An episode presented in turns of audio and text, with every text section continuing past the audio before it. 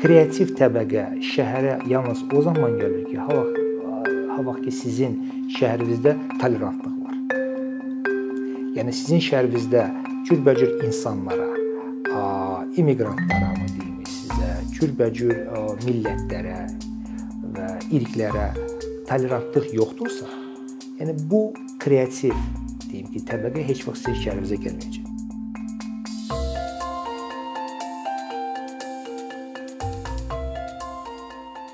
Kreativ təbəqə, o ingiliscə buna deyilir creative class, rus ruslarda da təzə bu ə, termin əmələ gəlib, kreativni klass. Bu sırf olaraq 2000 deyim 2002-ci, 2003-cü ildə Amerikada bir ə, sosioloq ə, Richard Florida tərəfindən ə, ortaya buraxdığı bir termin idi.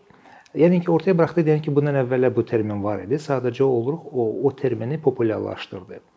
Kreativ təbəqə eyni zamanda bir neçə kitab yazdı. Rise of Creating Creative Class, yəni kreativ təbəqənin dirçəlişi və qalxması və kreativ təbəqə onun fikrincə birincisi olaraq o insanlardırlar ki, hansı ki kreativ industriyada, kreativ sahədə çalışırlar. Kreativ sahə nə deməkdir? Bu əlbəttə ki, bu heç bir zavod deyil, bu heç bir fabrika deyil, amma sırf olaraq yaradıcılıqla məşğul olan insanlardır. Yəni kreativ təbəqədə məsələn Richard Floridan dediyinə görə kreativ təbəqə kim ola bilər kreativ təbəqədə? Kreativ təbəqə birincisi olaraq buna deyirlər ki, bohemian people, yəni bohem adamları. Bohem adamları birincisi olaraq kimdir? Bu müğənnilərdir. Bu o, yəni rəssamlardılar bu rejissorlardılar, prodüserlardılar və s. və s. Bu bir qrup insanlardır ki, hansı ki yaradıcılıqla məşğul olur və nəsə yaradırlar. İkinci ikinci təbəqə bu kreativ təbəqənin içində ola bilər ki, informasiya texnologiya ilə, kompüter elmləri ilə məşğul olan insanlardır. Onlar nəsə yaradırlar. Oyunlardır, applicationlardır, hansısa bir hansısa bir məsələn proqramı yazanlardılar və s. Bu ikinci təbəqə ola bilər.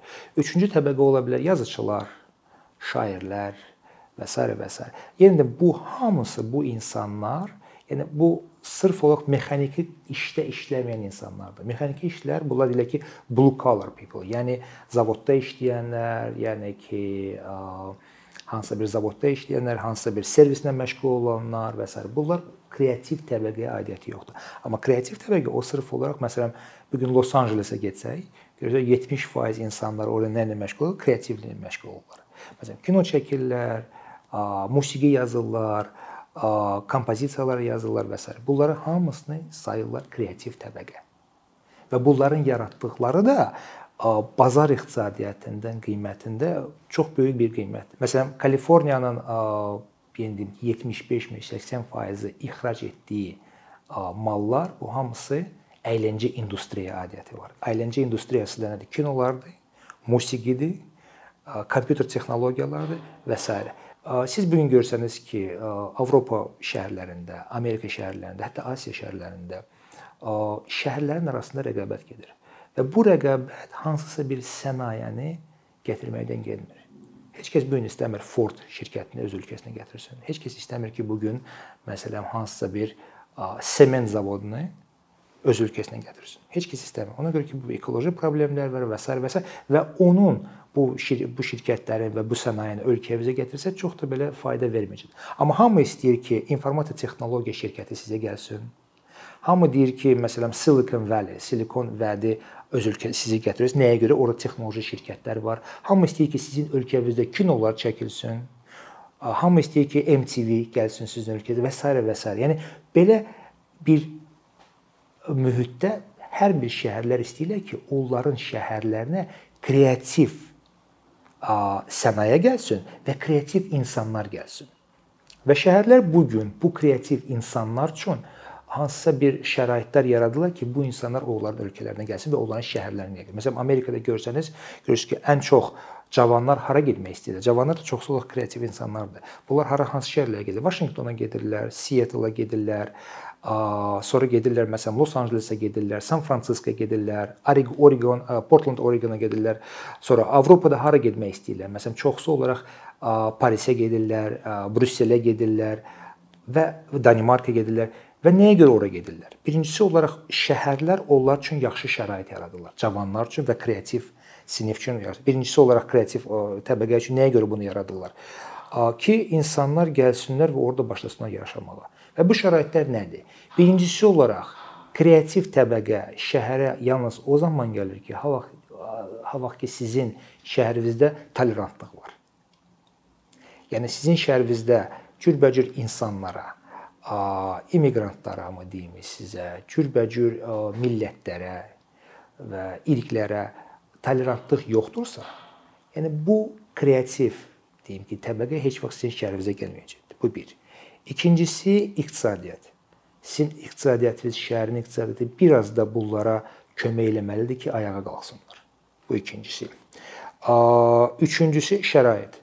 Yəni cavan adamlar çox istəyirdilər ki, sizin şəhərinizdə şəraitlər olsun mənim yaşamaq üçün. Bu da nədir? Bu barlar olmalıdır yaxşı, kafelər olmalıdır, Starbucks olmalıdır. Yəni McDonald's fakt deyil, amma hansısa bir yerlər olmalıdır ki, mən rahat gedib restoranda rahat yeyim, rahat kofemi içim, internetim yaxşı olmalıdır və s. və s. Bu kreativ insanların istədiyidir. Və eyni zamanda da ola bilsin ki, istəyərdi ki, sizin şəhərinizdə opera olmalıdır, teatr olmalıdır, sirk olmalıdır və cürbəcür hansısa bir necə ki, əyləndirici bir qurumlar olmalıdır ki, mən sizin şəhərinizə gəlmək istəyirəm. Mən yaradıcı insanam. Yaradıcı insan da deməkdir ki, 9-dan 6-ya kimi mən işləyirəm. Mən saat 11-də dura bilərəm.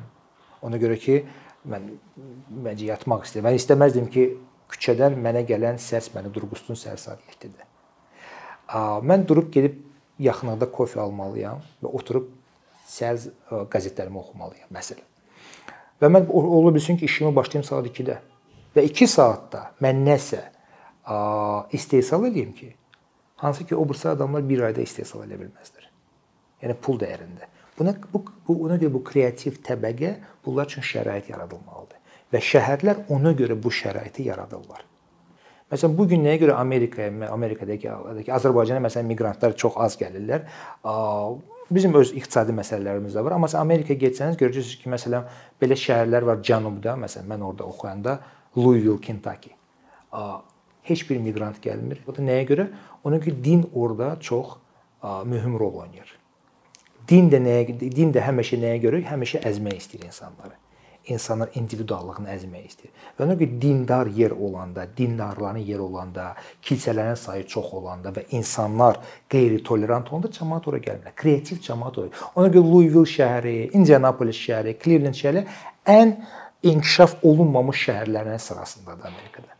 Amma o şəhərlərdə ki, e, harda ki, mən sizə deyim, o şey var, tolerantlıq var, eyni zamanda kreativ də yüksəkdir. Və hər bir insan ora istəyir. Məsələn, bu gün siz Amerikaya getsəniz, siz ümid edirəm ki, siz nə Louisville-ə gedəcəksiniz, nə Indianapolis-ə gedəcəksiniz, nə də Cleveland-a. Siz gedirsiniz New Yorka, siz gedirsiniz Vaşinqtona, siz gedirsiniz Bostona, San Fransisko, Los Angeles, San Diego. Nəyə görə? Tolerantlıq var orada.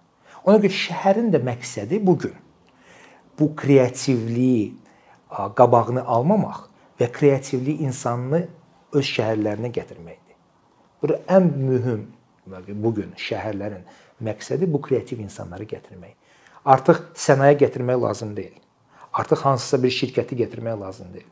Sizin işiniz lazımdır ki, bu adamları gətirəsiniz. Bu adamlar özləri də gələndə özləri ilə öz şirkətlərini də gətirəcəklər. Özləri ilə öz biliklərini gətirəcəklər.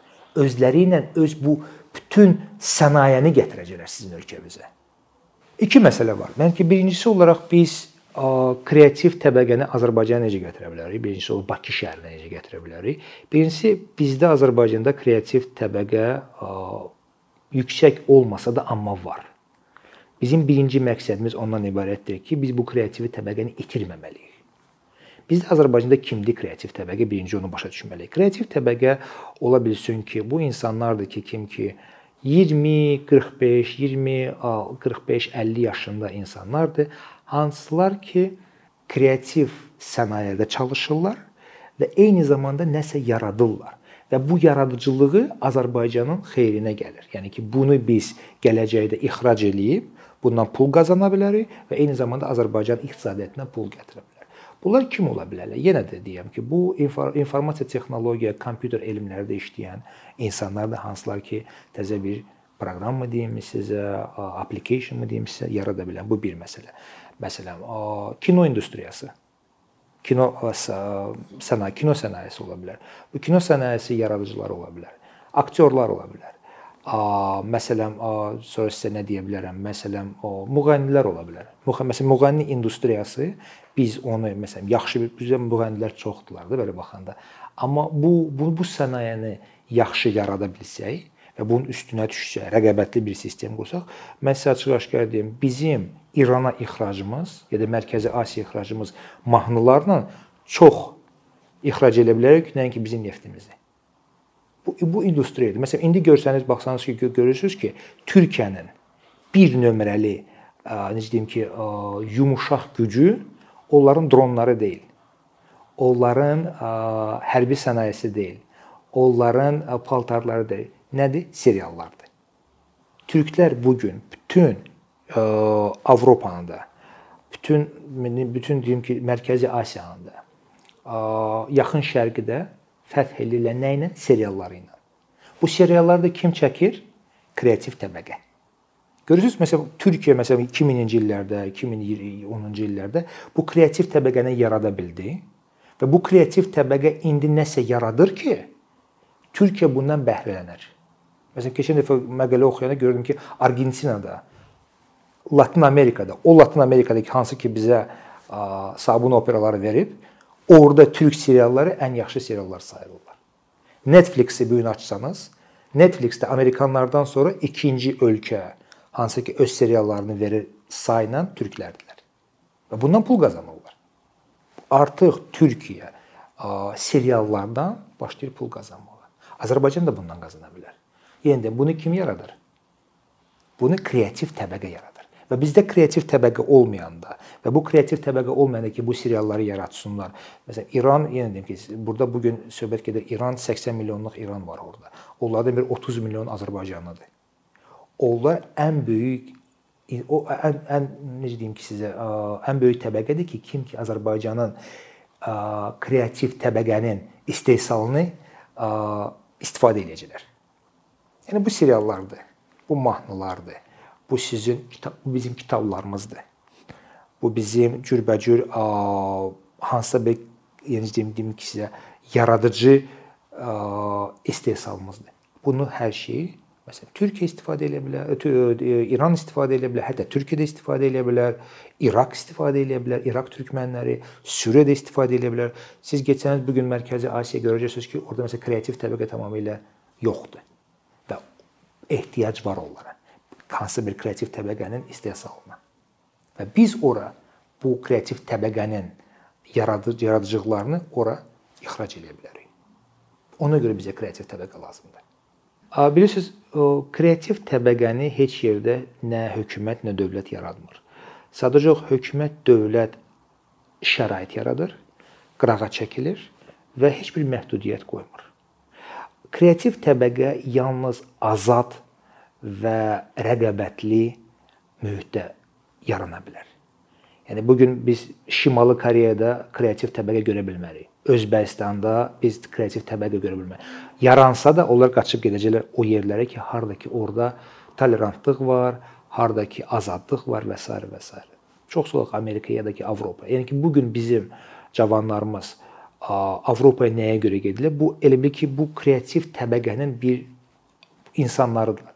Hamı qaçır Avropaya. Hamı qaçmaq istəyir Amerikaya. Nəyə görə ki, orada öz potensialını yerinə yetirə bilər. Azərbaycanda bunu eləyə bilmirlər. Bir neçə məsələyə görə. Ola bilər çünki yenə deyim ki, ola bilər ki, şərait yoxdur, ola bilər ki, maliyyə yoxdur, ola bilər ki, bunlar özlərini burada azad hiss eləmirlər və s. və s.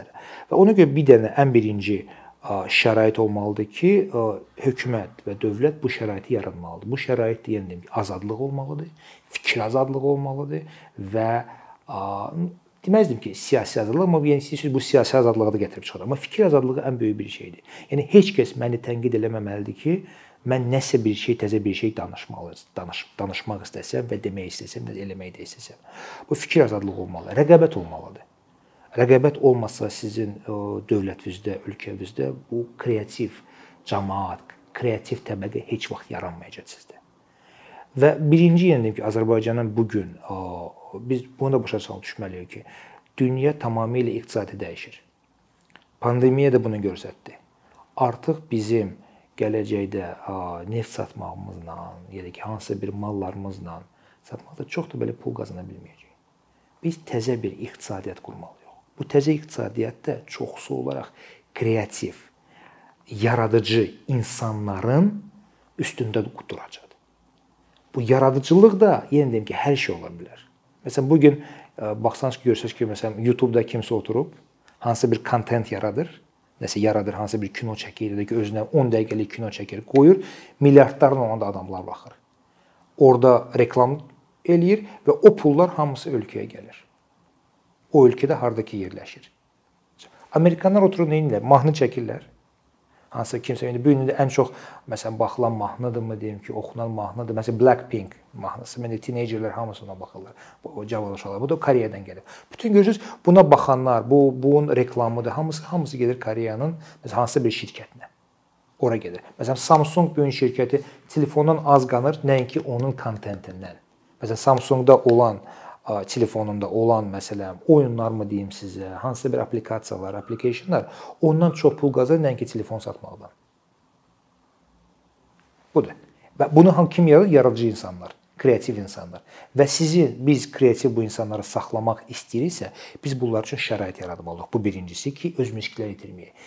İkinci məsələ, necə onları cəlb eləmək olar o birisi ölkələrdə. Biz Azərbaycan o mənada bir tərəfdən bizim yaxşı cəhətimiz odur ki, biz o birisi ölkələrə nisbətən, yəni o, o söhbət gedir ərəb ölkələrindən, İrandan və s. biz onlardan necə deyim ki, qat-qat tolerantıq. Onlardan qat-qat deyə bilərəm ki, ə, sivil qaydada insanları qəbul edən insanlarıq. Məsələn, miqrantlara yəni yaxşı baxırıq belə baxanda. Yəni bu gün siz ərəb ölkəsinə getsəniz, yoxsa Azərbaycana gəlsəz, çoxsa Azərbaycana gəlmək istəyir. Ki, bura mühit biraz azad mühitdir. O o ölkələrə baxın. İran İranda 80 milyondur, Ərəb ölkələrində nə qədər milyonlar var. Ora nisbətən Azərbaycan ondan nisbətən yaxşıdır və Azərbaycanın gözəl bir potensialı var. Azərbaycanı ya Bakı şəhərini belə bir şərait yarada bilər ki, bütün axın yaxın şərqdə Azərbaycana gəlsin bütün kreativ adamların axını Azərbaycana gəlsin. Bu İranın film industriyası, e, sənayesi gələ bilər Azərbaycana. Məsələn, keçən dəfə eşitmişdim Hindistandan gəlib burada kino çəkirdilər. Çox gözəl ideyyadır. Azərbaycanın mühitini götürüb Hindistandan gəlib bura çəkirdilər. Çox gözəl. İran gəlib burada kino çəkə bilər, İranlılar. Ərəblər gələrlər burada kino çəkə bilərlər. Yəni düzdür, turizmdir öz yerində, amma buranı biz hansı bir sənaye ilə, məsələn, kino çəkmə sənaye ilə, mahnı oxumaq sənayesi ilə, mən deyim ki, musiqi sənayesi ilə, sonra yenə ki, informasiya texnologiya, kompüterinə və s. və s. texno sənayelərlə biz bu cəmaatı cəlb eləyə bilərik. Məsələn, şəkil çəkənlər ola bilsin ki, rəssamlar ola bilsin ki, müğənnilər ola bilsin ki, bunlara hamısını Bakı onların xabı ola bilər. Bakı onların mərkəzi ola bilər. Və onlar özləri ilə gələndə eyni zamanda öz pullarını da gətirirlər, öz biliklərini də gətirirlər və nəsə hansısa bir yaradıcılıq istehsal eləsələr, bu Azərbaycanın adına gələcək. Azərbaycan bundan vergi tutacaq. Azərbaycanın ixracatına kömək eləyəcək. Və yəni ki, burada istehsal olur və biz bunu burdan satırıq. Məsələn, yaxşı bir ideya var idi. Məsələn, yadınızdadırsa, məsələn World of Tanks Belarusiyanın bir oyunudur bildiyimə görə bunlar artıq 2 milyard dollar qazanıblar bunu bu oyunu satmaqda. Bunu kim yaradıb? 5-10 nəfər yaradıcı insan oturublar Belarusiyada bu oyunu yaradıblar və bütün dünyaya satırlar. Pul hara gəlir? Belarusiyaya gəlir. Skype-ı estonlar yaradıblar. Pul hara gedir? Estoniya gedir. Otururlar Estoniyada, bütün dünya istifadə eləyir. Pul mu verirsə, amma bütün pullar hara gəlir? Estoniya. Estoniyada bunu vergi verirlər. Şəhər 3 şeydən ibarətdir. Birincisi olaraq bu əhalidir. İkincisi olaraq sıxlıqdır və üçüncüsü olaraq buna ingiliscə deyirlər ki, heterogeneity, yəni müxtəliflik. Siz şəhəri şəhər adlandıra bilərsiniz yalnız o moment bu 3 dənə şey var sizdə. Əhali, sıxlıq, bir də müxtəliflik. Bizim çoxlu Azərbaycanlı şəhərlərində düzdür, əhali var, sıxlıq var, amma müxtəliflik yoxdur. Müxtəliflik nə deməkdir? Müxtəliflik o deməkdir ki, sizin cəmiyyətinizdə, sizin şəhərinizdə hər bir insan var. Məsələn, cürbəcür peşələrin insanları var. Məsələn, olsun müəllimdən tutmuş, məsələn, nə deyim ki sizə, informasiya texnologiyanın peşəkarına kimi. Kənd təsərrüfatından tutmuş, maşın sənayesinə kimi. Amma biz çox bir şəhərlərə Azərbaycana gedəndə məsələn gəlirik bir ucqar, ucqar istəyir olsun Yevlax məsələn, olsun Kürdəmir, olsun məsələn, məsələn Saatlı. Məsələn belə şəhərlər. Gedirsiniz, siz nəyi görürsüz? Əhalini görürsüz. Siz orada sıxlığı ola bilər biraz görmüsüz, amma heç bir müxtəliflik yoxdur orada. Eyni adamlardır. Eyni peşənin adamlarıdır. Müxtəliflik yoxdur. Şəhər o o mənada şəhər olur. Müxtəliflik hər tərəfdən. Peşə tərəfindən müxtəliflik olsun. Millət tərəfindən müxtəliflik olsun. Məsələn, cürbəcür millətlər olmalıdır. Nəinki Azərbaycanlı, cürbəcür millətlər olmalıdır. İlk tərəfindən müxtəliflik olmalıdır. Baxışlar tərəfindən müxtəliflik olmalıdır. Yaşamaq tərzindən tərəfindən müxtəliflik olmalıdır. Hər şeydən müxtəliflik olmalıdır. Məsələn, bu gün biz şəhərə çıxanda biz hansı şəhərin hansı yerinə getməyi sevirik? Mərkəzə. Darqoviç o şeydə küçəsidir və cürbəcür onun yaxın. Nəyə görə ora gedirik dostlar? Ona görə orada cürbəcür adamları görürük. Müxtəlif adamları görürük. Cürbəcür geyimli adamları görürük. Cürbəcür bir kimisə sarı saçdan gəlir, kimisə yaşıl saçdan gəlir və biz baxırıq, doğru təəccüblənir və bizim xoşumuza gəlir bu. Bu müxtəliflik. Cürbəcür müxtəlif yeməklər var. Cürbəcür müxtəlif insanlar var. Və biz bunu görmək istəyirik. Və şəhərdə müxtəliflik olmasa, bu şəhər deyil. Və biz ona görə Avropaya gedəndə biz Avropanı nəyə görə bəyənirik? Azadlıq, müxtəliflik. Və biz bu gün Bakını ə, yaradıcı insanları saxlamaq istəyiriksə, yaradıcı insanları gətirmək istəyiriksə, bu müxtəliflik ə, nə baha nə, nə olur olsun, nə bahasına olsun olsun, amma bu müxtəlifliyi biz düzəltməliyik, eləməliyik və o təmin etməliyik. Əkinçinin yeni videolar haqqında məlumatlı olmaq üçün kanalımıza abunə olmağı və xəbərdarlıq funksiyasını aktivləşdirməyi unutmayın. Bununla bərabər gördüyümüz işlərin davamlı olmasını istəyirsinizsə, bizim patronların sırasına qoşulmağınızı rica edirik. Əkinçinin Patreon icmasının üzvü olaraq siz bizim təşəbbüsə dəstək göstərməklə bərabər hazırladığımız materialları hər kəsdən öncə izləmə imkanı əldə edəcəksiniz. İmkandan istifadə edərək cari patronlarımıza işlərimizi davam etməyə yardım olduqları üçün dərin təşəkkürümüzü bildiririk.